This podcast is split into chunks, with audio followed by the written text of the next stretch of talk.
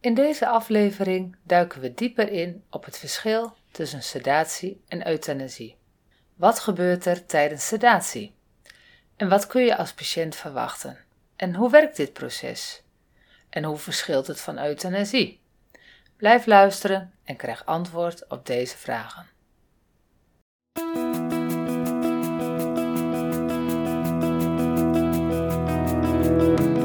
Welkom bij De Laatste Adem, de podcast voor mensen in de laatste levensfase, waar elke ademteug telt en elke dag een kostbaar geschenk is.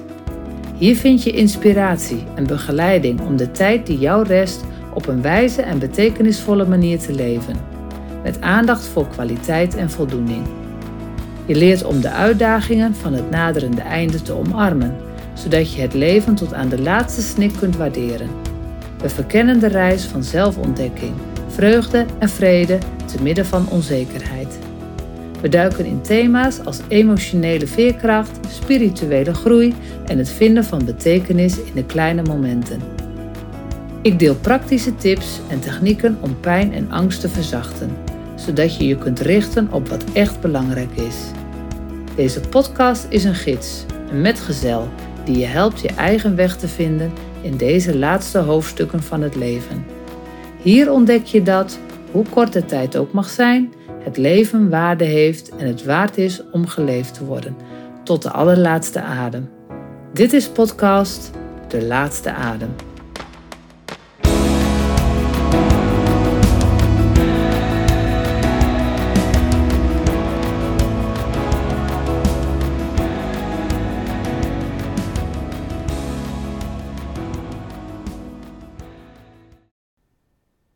Gebeurt er als je sterft?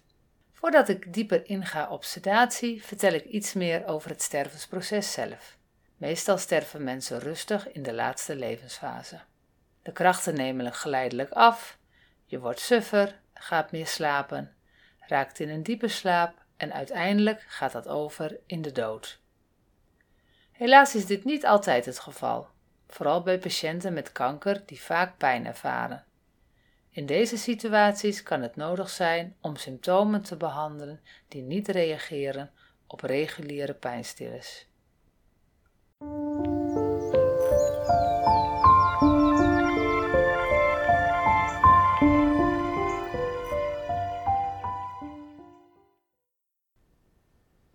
Als de pijn heel erg is, dan wordt in de laatste levensfase vaak morfine of middelen voorgeschreven die daarop lijken.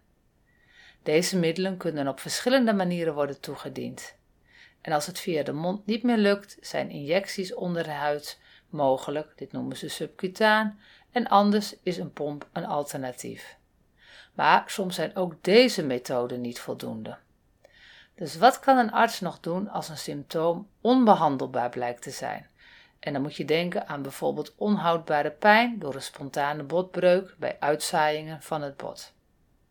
Nou, dan kan het lijden alleen nog maar worden verlicht door middelen die het bewustzijn verlagen.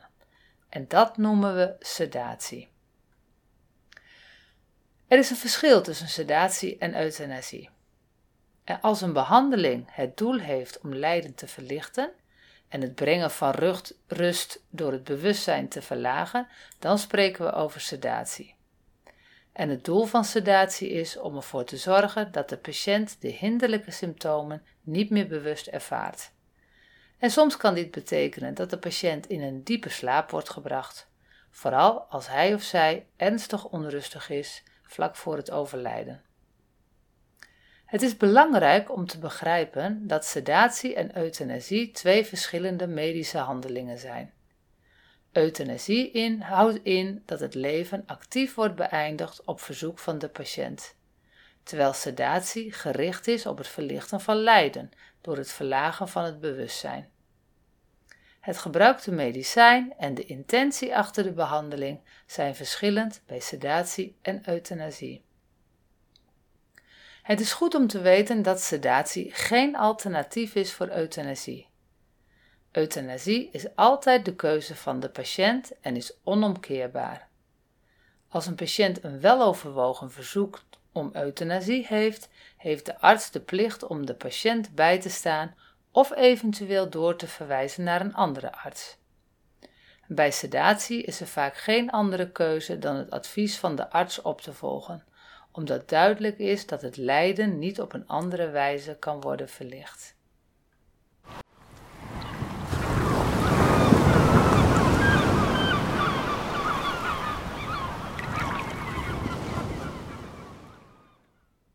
Laat ik een misverstand uit de weg ruimen. Sedatie heeft als doel om lijden te verlichten en rust te brengen door het bewustzijn te verlagen. En dat betekent niet altijd dat de patiënt in een diepe slaap wordt gebracht, maar het doel is rust brengen. Morfine is een uitstekend middel om pijn en benauwdheid te onderdrukken, maar het leidt niet altijd tot de gewenste slaaptoestand. Het is zelfs risicovol als morfine wordt gebruikt om een patiënt in slaap te brengen voor sedatie. Dit kan namelijk leiden tot een delier en daarmee voeg je alleen maar meer lijden toe aan het lijden van een patiënt. Om het bewustzijn te verlagen worden middelen gebruikt die uit de groep benzodiazepines komen. Misschien heb je hier wel eens van gehoord. Het zijn middelen die kunnen helpen bij slapeloosheid en angst. Ze kunnen dus ook worden ingezet om het bewustzijn te verlagen. Deze medicijnen vertragen de hersenactiviteit, waardoor er een kalmerend gevoel ontstaat. Daarnaast ontspannen ze de spieren en kunnen ze slaperigheid veroorzaken. Het belangrijkste is dat de gekozen middelen effectief zijn in het verlagen van het bewustzijn en het verlichten van het lijden van de patiënt terwijl ze tegelijkertijd veilig worden toegediend en om mogelijke bijwerkingen te beheersen. De middelen die gebruikt worden bij een sedatie kunnen variëren. En dat is afhankelijk van de medische situatie en ook de voorkeuren van een behandelend arts.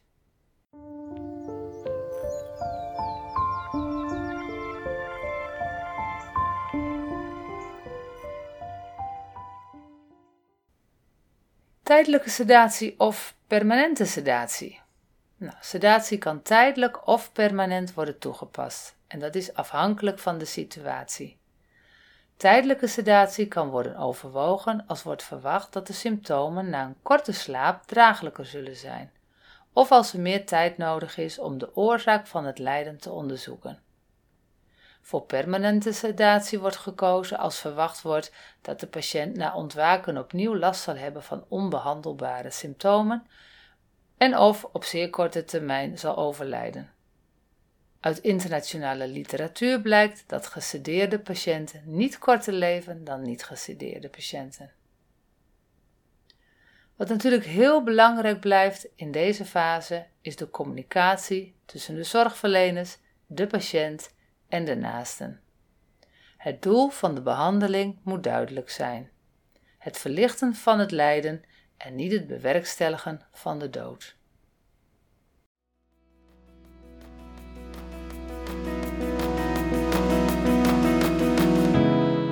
Met het einde van deze aflevering van podcast De Laatste Adem naderen we het einde van onze reis samen. Maar onthoud, dit is niet het einde van jouw verhaal. Het is slechts het begin van een nieuw hoofdstuk, vol potentieel en betekenis. Voor meer informatie of contact bezoek dan mijn website en volg me op social media. Ik sta klaar om te verbinden en je te ondersteunen op jouw unieke pad. Als deze aflevering je heeft geraakt en geïnspireerd, laat dan alsjeblieft een review achter op het platform waar je luistert.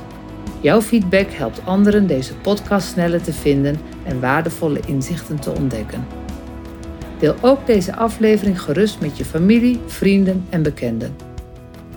Mis geen enkele aflevering door je te abonneren op deze podcast, zodat je altijd op de hoogte bent van nieuwe afleveringen vol waardevolle inzichten.